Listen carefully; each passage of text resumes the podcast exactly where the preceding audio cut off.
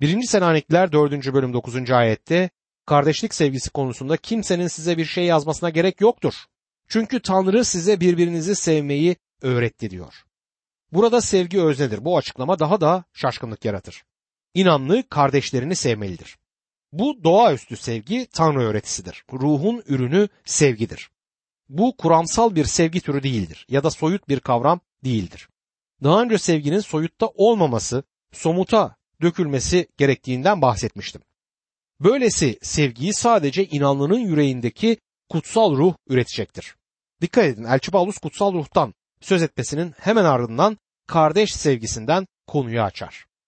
İmanda kardeşlik sevgisine gelince bu konuda size yazmama gerek yok diyor. Birbirinizi sevmek için Tanrı tarafından eğitilmiş kişilersiniz. Sevginin Tanrı çocuklarının taşıdığı bir işaret olduğuna inanıyorum. İsa Mesih de bunun böyle olduğunu söyler. Babanın beni sevdiği gibi ben de sizi sevdim. Benim sevgimde kalın. Eğer buyruklarımı yerine getirirseniz sevgimde kalırsınız. Tıpkı benim de babamın buyruklarını yerine getirdiğim ve sevgisinde kaldığım gibi diyor. Bunları size sevincim sizde olsun ve sevinciniz tamamlansın diye söyledim diyor. Benim buyruğum şudur. Sizi sevdiğim gibi birbirinizi sevin. Hiç kimse de insanın dostları uğruna canını vermesinden daha büyük bir sevgi yoktur. Size buyurduklarımı yaparsanız benim dostlarım olursunuz. Artık size kul demem.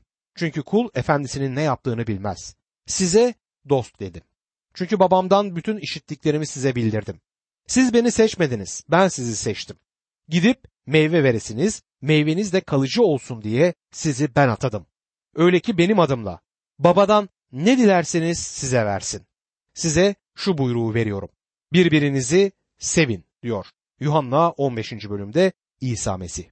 Bir arkadaşım bir defasında bana şunları anlattı. Yatılı okuldayken o da arkadaşımla güreştik, dövüştük, tartıştık, aynı kızı tavlamaya çalıştık ve bu türden daha ne varsa yaşadık.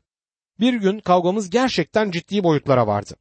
Odanın altını üstüne getirdik. Benim hakkımda düşündüklerini söyledi. Hiç de iç açıcı şeyler değildi. Sonra ben ona ilişkin ne düşünüyorsam söyledim. Benimkiler de onun söylediklerinden aşağı kalmadı. Ama birden kan beynime sıçradı sanki. Dur dedim. Sen Tanrı çocuğusun ve Tanrı çocuğunun sahip olması gereken en önemli özellik kardeş sevgisidir. Yuhanna bunu vurgular ve birinci Selaniklilerde de Tanrı kardeşini seveceksin der. Sen tanıdığım en çekilmez kişisin. Rastladığım en sevimsiz kişi olmana rağmen seni seviyorum. Bana şaşkın şaşkın baktı ve gülmeye başladı. Biliyorsun ben de seni seviyorum. Ve sen benden de berbatsın dedi. Sonra ikimiz de gülmeye başladık. Bu adam şimdi bir vaiz. Tıpkı benim gibi. Bir kez birbirimizi yeniden görme fırsatımız oldu. Hala inatçı biri ama onu seviyorum çünkü Tanrı çocuğudur. Ve sanıyorum o da beni seviyor. Bu Tanrı çocukları olduğumuzun kanıtıdır sevgili dostum. 1. Selanikler 4. bölüm 10. ayette gerçekte bütün Makedonya'daki kardeşlerin hepsini seviyorsunuz. Kardeşler size rica ediyoruz bu konuda daha da ilerleyin. Kardeşlik sevgisi gelişip büyümesi gereken bir alandır. Açıklıkla söylemek gerekirse bazılarının sevgisi soğuk. Bunu anlatan küçük bir tekerlemede yapılmış Avrupa'da. Göklerde inanlı kardeşlerle beraber olmak ah ne muhteşem olacak. Ama inanlarla aşağıda olmak nedir biliyorum. Neyse bu da başka bir hikaye diyor. Bu tekerlemede. Bu Selanikliler kardeşlerini sevdiler ama gerçekte sevgileri yaşamın derinliklerine dek inmedi. Sevgilerinde kusursuzluk yoktu ve sevgide gelişmeye hala ihtiyaçları vardı.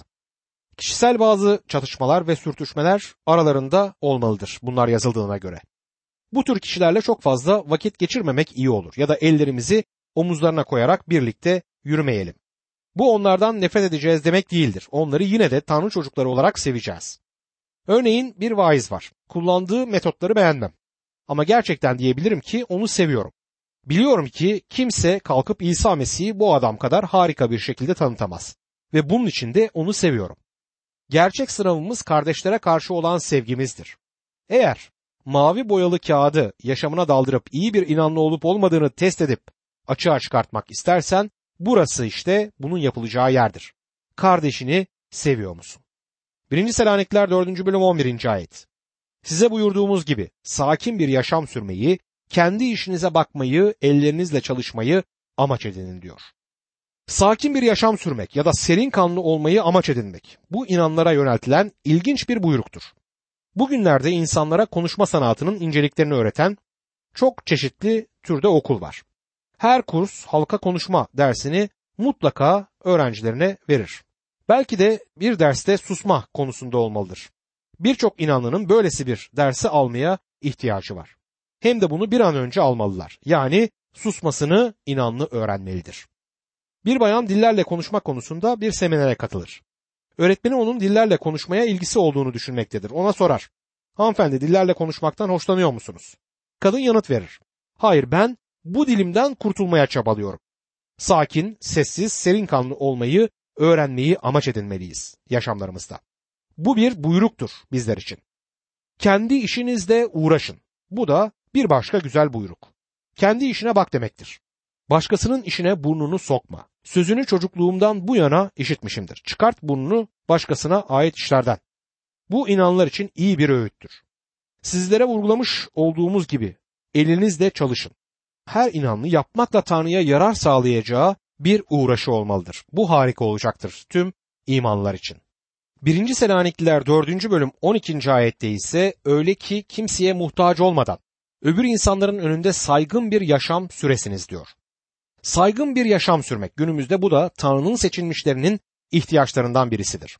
Saygı ve insanların güvenini kazanmak. Yaşam yürüyüşümüz Tanrı ve insanların önünde saygı uyandıracak biçimde olmalıdır. Birçok organizasyonun bende düşünce oluşturan para toplamak için yazdıkları mektuplar bana gelir. Bazı organizasyonlar ortalığa insanları gönderirler. Kişilerin zaaflarından, saflıklarından yararlanarak organizasyonları için bir yarar sağlamaya çalışanlar var. Zaafa düşmemek ve güçlü bir iradeye sahip olmak için geçerli bir neden olmalıdır. Paranızı türlü yoldan cebinizden almaya çalışanlar olacaktır. Bu konuda şüphe yok. Tanrı çocuğu ardında soru işaretleri bulunan işler yapamaz. Çünkü bizler saygın bir yaşam sürmek üzere çağrıldık. Bu şu demektir. İnanlı olmayanlarla her ne yapacaksak bu dürüstlük çerçevesinde olmalıdır. Eğer dürüst olmazsak Tanrı yargısını üzerimize çekeriz. Ne olursa olsun, hangi koşulda olursa olsun inanlı dürüst olmalıdır. Şimdi kutsal kitap yazılarının en önemli peygamberlik mesajına bu son bölümde geliyoruz. Kiliseye yakında olacak ve olması yakın olan Mesih'in ikinci gelişidir bu. Bu ikinci geliş hemen ya da çok yakında olacak anlamını taşımaz. Elçi Paulus bu tür bir açıklamayı yapmaz. Ben ölmeden önce ya da hemen sonra bu olay gerçekleşecek gibi düşüncelere kapılmalarını bu insanların istemez. İsa Mesih'in ilk gelişinin ardından 2000 yıla yakın bir zaman geçti. Mesih yakında geliyor dediğimizde yaklaştı ya da Tanrı takviminde gerçekleşecek ilk olay olduğunu vurgulamaktayız. İzin verin bir resimle demek istediğimi daha da anlamlı bir hale getireyim.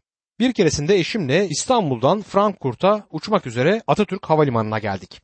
Hava Yeşilköy'de harika, güneş ortalığı pırıl pırıl parlatıyordu. Az sonra kaptanımız nazik bir lisanla bizleri selamladı ve havalandık. Hava durumunu vermeye başladı. Gördüğünüz gibi hava durumu burada çok güzel ve Frankfurt'ta da güzel bir hava olduğu raporu elimizde var dedi. Yugoslavya üzerinde hava durumu şu an elimizde değil ancak iyi bir uçuş olacak. İlk durağımız Frankfurt. Bu haberi duyan herhangi bir yolcu fırlayıp çantasını kaptığı gibi kapıya doğru koşmadı. Gelecek durağın Frankfurt olduğunu bildik. Bu durak yakında olacak olandır. Kısaca sonraki ilk durak budur. Başka bir durak yok anlamına gelir. Frankfurt'a 2 saat 45 dakika uçuşumuz vardı ama bu durak için hazırlıklıydık. Çünkü yakında bu olacaktı. İlk durağımız burası olacaktı. Frankfurt'a varışı beklemekle Mesih'in ikinci gelişini beklemek arasındaki fark Frankfurt'a yaklaşık 3 saat sonra varacağımızı bilmemizdir ama Mesih'in ne zaman geleceğini bilmiyoruz. 3 saat olabilir, 3 gün, 3 hafta, 3 ay, 3 yıl, 300 yıl kısacası bilmiyoruz. Ama hala yakında olacak diyoruz çünkü gerçekleşecek ilk olay budur. Elçi Paulus Mesih'in ikinci gelişinin yakında olduğuna inandığını pek açık bir şekilde gösterir. Bu bölümün 15. ayeti şöyle der. Biz yaşamakta olanlar, Rabbin gelişine dek bırakılanlar. Elçi Paulus o daha yaşamdayken Mesih gelebilir diye inanmaktaydı ama kendi yaşamındayken gelecek ya da gelmeli diye inanmadı. Titus'a yazdığı mektubunda da bu anlaşılır. Titus 2. bölüm 13. ayette bu arada mübarek umudumuzun gerçekleşmesini, ulu Tanrı ve kurtarıcımız İsa Mesih'in yücelik içinde gelmesini bekliyoruz der. Paulus'un yakında geliş konusunda düşüncesini değiştirmesine etki eden artık onun yaşlanmasıdır. Selaniklilere mektubu Pavlus'un ilk mektuplarından olduğu akıldan çıkarılmasın. Elçi Paulus Tanrı bilim öğretisini değiştirmiş midir? Filipelilere mektubu yazdığında artık yaşlı birisiydi ve üstelik Roma'da da hapiste bulunmaktaydı. Filipeliler 3. bölüm 20. ayette şunları okuyoruz. Oysa bizim vatanımız göklerdedir. Orada kurtarıcıyı Rab İsa Mesih'i bekliyoruz. Elçi Paulus Mesih'in ikinci gelişini bulutlarda onu karşılamaya gidişini inanlar topluluğunun alınışını kiliseye açıklamaktadır. Bu konuda farklı fikirler, öğretişler ortaya bugünlerde atılır. Diyorlar ki, kutsal kitap inanlar topluluğunun alınışını öğretmez. Yeni antlaşmada bunu bulamayız. Ben diyorum ki kutsal kitap tam bunun tersini öğretir. Bu bölümün 17. ayetinde sonra biz yaşamakta olanlar diyor. Rabbi havada karşılamak için onlarla birlikte alınıp bulutlara götürüleceğiz. Öyle ki hep Rab'le birlikte olacağız der. Alınmak diye çevrilen Grekçe sözün aslı harpozo sözcüğüdür.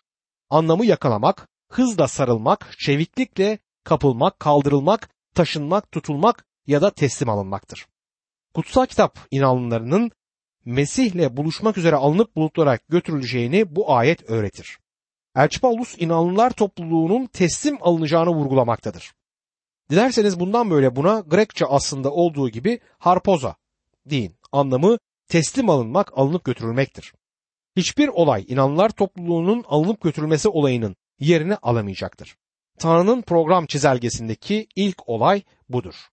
Bu bölümde gerçekte ilk dikkat inanların alınıp götürülmesinde değildir. Elçi Paulus'un yanıtladığı kesin soru şudur. Mesih gelmeden önce ölen inanlılara ne olacak? Selanik'teki inanlılar için bu soruya verilecek yanıt niçin bu denli önemliydi? Sorusuna yanıt için mektubun yazım nedenine bakmalıyız. Elçi Paulus Selanik'e ikinci haber gezisi sırasında uğramıştır.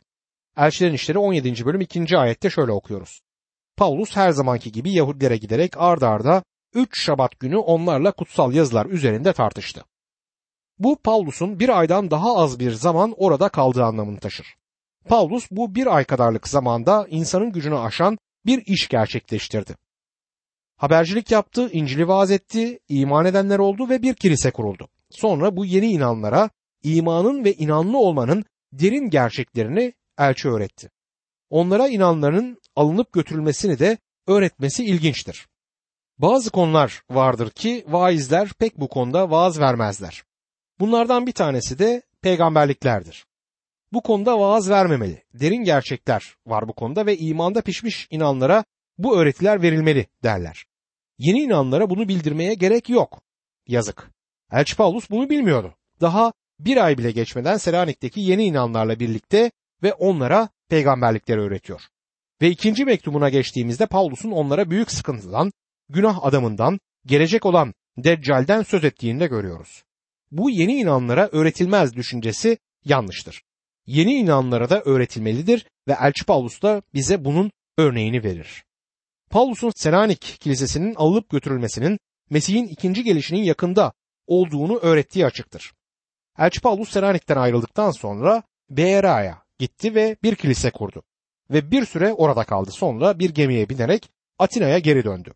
Atina'da ne kadar süre kaldı bilmiyoruz. Timoteus ve Silas'ın Selanik'ten getirecekleri haberi orada bekliyordu. Onların gelmeleri gecikince Paulus bunun üzerine aşağıya Korint'e indi. Orada bir süre kaldıktan sonra Timoteus'ta Silas geldiler ve Selaniklilerin Elçi Paulus'a sorusunu ilettiler. Böylece Paulus Selaniklilere ilk mektubunu onları cesaretlendirmek ve inanların alınışı konusundaki özel sorularını yanıtlamak üzere yazdı. Bu bilinmeyen geçen zaman zarfında Selanik'teki bazı inanlılar ölmüşlerdi. İnanlar arasında bir soru vardı. İnanlılar göğe yani cennete alınışlarını yitirdiler mi? Açıkça Paulus onlara Mesih'in yakında gelişini öğretti. Bu soru oradaki insanların ilgi alanında değildi. Elçi Paulus Senaniklilere Rab İsa Mesih'in her an yeniden gelebileceğini söyledi. Bazı inanlar Rableri gelmeden önce öldüler. Kilisenin bulutlarda alınışını bu insanlar kaçırdılar mı? Onlara ne olacaktı? Elçi Paulus bu mektupta bu sorulara yanıt verir. Bu soru bizlere Selaniklilere taşıdığı yoldan anlam taşımaz. Çünkü sen ve ben 1. Selanikliler mektubunun 2000 yıl sonrasında yaşıyoruz. Ve milyonlarca inanlı ölümün kapısından öte yakaya geçti. Kilisenin büyük bölümü öte yakadadır. Geride kalan küçük bir azınlık. Elçi Paulus Senaniklilere Mesih'in gelişinin yakın olduğunu öğretmektedir ve biz bugün hala buna inanıyoruz. Şu an bulunduğumuz yerde Mesih'in inanlılar topluluğunu almasına olan zaman dilimi çok ince bir zar gibidir. Yani her an olabilir. Hatta bu programımızın sonuna gelmeden önce bile bu gerçekleşebilir. Mesih'in gelişini belirli bir tarihe bağlamakta ölüm tehlikesi bulunur. Bazıları bunu yapar. Ama bu tehlikelidir çünkü Mesih'in ne zaman geleceğini bilmiyorlar.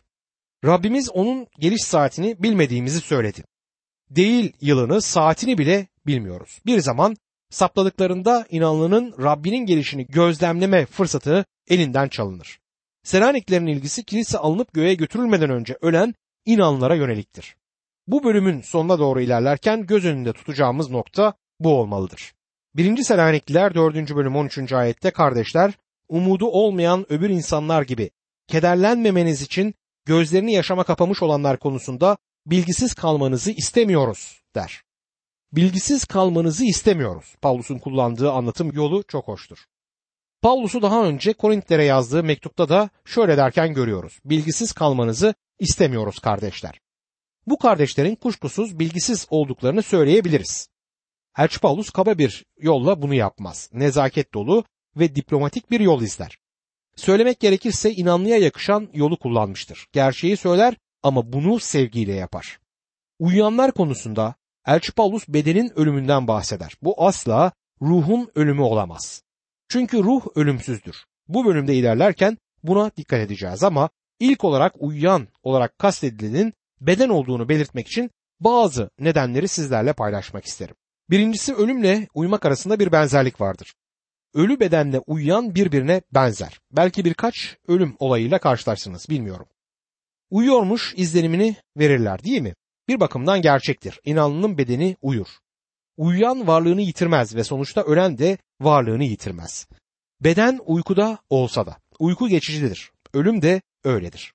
Uykudan uyanmak gibi ölülerin de dirilişi olacaktır. Gördüğümüz yaşam var olmak, ölüm de yok olmak demek değildir. Burada uyumak olarak çevrilen Grekçe aslı keimai sözcüğüdür ki anlamı yere yatmak ya da yere uzanmaktır.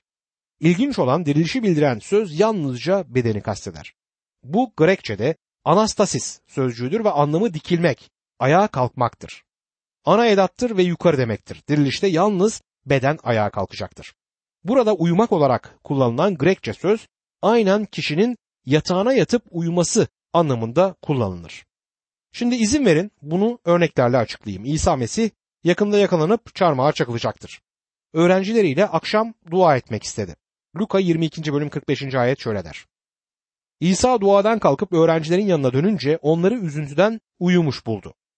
Düşünün, İsa'nın ele verilme vakti yaklaştığında Petrus, Yakup ve Yuhanna uyuyakaldılar. Elçilerin İşleri 12. bölüm 6. ayette ise Petrus, Herodes'in kendisini yargılayacağı günden önceki gece çift zincirle bağlı olarak iki askerin arasında uyuyordu. Kapıda duran nöbetçiler de zindanın güvenliğini sağlıyordu. Elçi Petrus'a ilişkin bildiğimiz kesin bir şey varsa o da uykusuzluk çekmediğidir. İsa'nın ele verildiği bu çetin anlarda bile uyuyabiliyordu. Yine aynı söz burada uyumak için kullanılan sözdür ve bu bedenin doğal uykusudur. Bir başka nokta ise kutsal kitap bedenin topraktan yaratıldığı, toprağa ve ruhun onu veren Tanrı'ya döneceğini öğretmesidir. Eski antlaşmada bile vaiz 12. bölüm 7. ayette bu öğretilir ve şöyle der. Toprak geldiği yere dönmeden, ruh onu veren Tanrı'ya dönmeden seni yaratanı anımsa. Toprak bedenimizdir. Tanrı Adem'e şöyle der. Yaratılış 3. bölüm 19. ayet. Toprağa dönünceye dek ekmeğini alın teri dökerek kazanacaksın. Çünkü topraksın. Topraktan yaratıldın ve yine toprağa döneceksin. Topraktan alınan bedenimizdir ve Tanrı yaşam nefesini ya da ruhu insana üfledi. Dirilişe dek uyuyacak olan beden gördüğünüz gibi yalnızca bedendir. İnanlının ruhu Tanrı'ya geri dönecektir. Ruh ya da can ölmez. Öyleyse ruh ya da can kalkamaz da. Yalnız beden ölüme yatabilir ve yalnız beden dirilişte kalkacaktır. Bu çok net açıklık kazanır. Elçi Paulus'un şu sözleri bunu perçinler. 2. Korintiler 5. bölüm 8. ayet. Cesaretimiz vardır diyorum ve bedenden uzakta. Rabbin yanında olmayı yeğleriz. Beden geçici ölüme yatana dek kullanılacak basit bir çadırdır. 2. Korintiler 5. bölüm 1. ayette ise biliyoruz ki barındığımız bu dünyasal çadır yıkılırsa göklerde Tanrı'nın bize sağladığı bir konut, elle yapılmamış, sonsuza dek kalacak bir evimiz vardır. Burada kullanılan Grekçe skenos sözü çadır anlamındadır. İçinde yaşadığımız bedenler birer çadırdır. Değerli dinleyicim size bir haberim var. Saray gibi bir evde yaşayabilirsiniz ama içinde yaşadığınız beden basit küçük bir çadır. Tanrı her birimizi bir çadır içerisine koymuştur. Kimisi gece konuda, kimisi konakta yaşıyor değil. Herkes aynı türden bir çadırda yaşamaktadır. İnsan bedeninin tüm kimyasal elementlerini bir araya toplayıp satışa çıkartsanız 3-5 kuruş anca eder. Her birimiz en fazla 5-10 milyon liralık bir çadırda yaşıyoruz. Eğer inanmıyorsanız otoyolda bir otomobilin önüne çıkın, çadırın dürülüp sessizce yok olduğunda görürsünüz. Bedenlerimiz gerçekte çok basit ve narindir. 2. Korintiler 5. bölüm 4. ayette dünyasal çadırda yaşayan bizler ağır bir yük altında inliyoruz. Asıl isteğimiz soyunmak değil giyinmektir. Öyle ki ölümlü olan yaşam tarafından yutulsun diyor. Çadırımızda sıkıntıdan inleriz. Doğrudur bunu keşfetmediyseniz önümüzdeki yıllarda keşfedeceksiniz. Birkaç yıl önce otobüs durağında yaşlıca bir adamla tanıştım. 80 yaşlarında birisiydi. Ağzından küfür eksik olmuyordu. Arkadaş çok fazla zamanın kalmamış burada. Tanrı'ya hesabını vereceksin bunların dedim ona. Daha da uzun yaşamayacağımı nereden biliyorsun diye sordu. Tanrı bunu sana söylüyor. Kafana beyaz saçları yerleştirdi. Yürüyüşün aksak, omuzların çökmüş, kamburun çıkmış, nefesin daralmış, kulakların iyi duymuyor, gözlerin iyi görmüyor, düşlerin de artık körelmiş. Miden her şeyi kaldırmıyor. Kalbinde ara sıra bir sancı var. Tanrı bunlarla sana daha fazla vaktinin kalmadığını bildiriyor. Burada küçük bir çadırda yaşıyorsun ve kısa zaman sonra silinip gideceksin dedim. Tanınmış ünlü birine arkadaşları sağlığı konusunda kaygıya düştüklerini belirtir. Ben iyiyim der adam ama içinde yaşadığım ev yıkılıyor ve tamir etmek olanaksız. Böylesi bir bedende yaşıyoruz sevgili dinleyicim. Önceki yıllarda merdivenleri sıçrar adımlarla çıkar inerdim. Tüm hafta sonu sabahtan akşama kadar koştururdum. Bugün durum farklı. Merdivenleri eskisi gibi sıçrayarak çıkmıyorum. Biraz koştuğumda nefes nefese kalıyorum. Eskiden ağrı nedir bilmezken ara sıra dizlerim, parmaklarım ağrıyor. Eşim çok sızlandığımı, inlediğimi söyler. Ona inlemenin kutsal sözde geçtiğini söylüyorum. Paulus bu bedende inliyoruz der. Bu eski bedenler mezara konulacaklar ve uyuyacaklar. Ruh Rab'le beraber olmaya gidecek dostum. Elçi Paulus şunları yazar. 2. Korintiler 5. bölüm 6 ve 7. ayetler.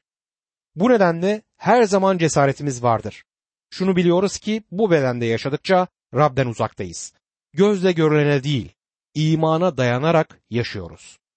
Şu an bu bedende evimizdeyiz. Bu yaşadığımız yer. Biliyor musunuz? İnsanlar bizi gerçekten aslında göremiyor. Bedenlerimizin içine gizlenmiş durumdayız. Bazen toplantılara gelen kişiler yanıma gelerek beni radyoda dinlediklerini ve merak edip nasıl biri olduğumu görmeye geldiklerini söyler. Ben hep böyle hissediyorum kendimi. Beni gerçekten göremiyorsunuz. Tüm gördüğünüz bir kafa, elbisenin kollarından dışarı çıkan eller. Beni tam olarak göremiyorsunuz. Ben bu bedenin içinde yaşıyorum. İçinde barındığım bu ev tamir edilemez türden ama bu dünyada yaşadığım sürece onun içinde kalacağım. Elçi Paulus konuşmasını şöyle sürdürür. 2. Korintliler 5. bölüm 8. ayet. Cesaretimiz vardır diyorum ve bedenden uzakta Rabbin yanında olmayı yeğleriz.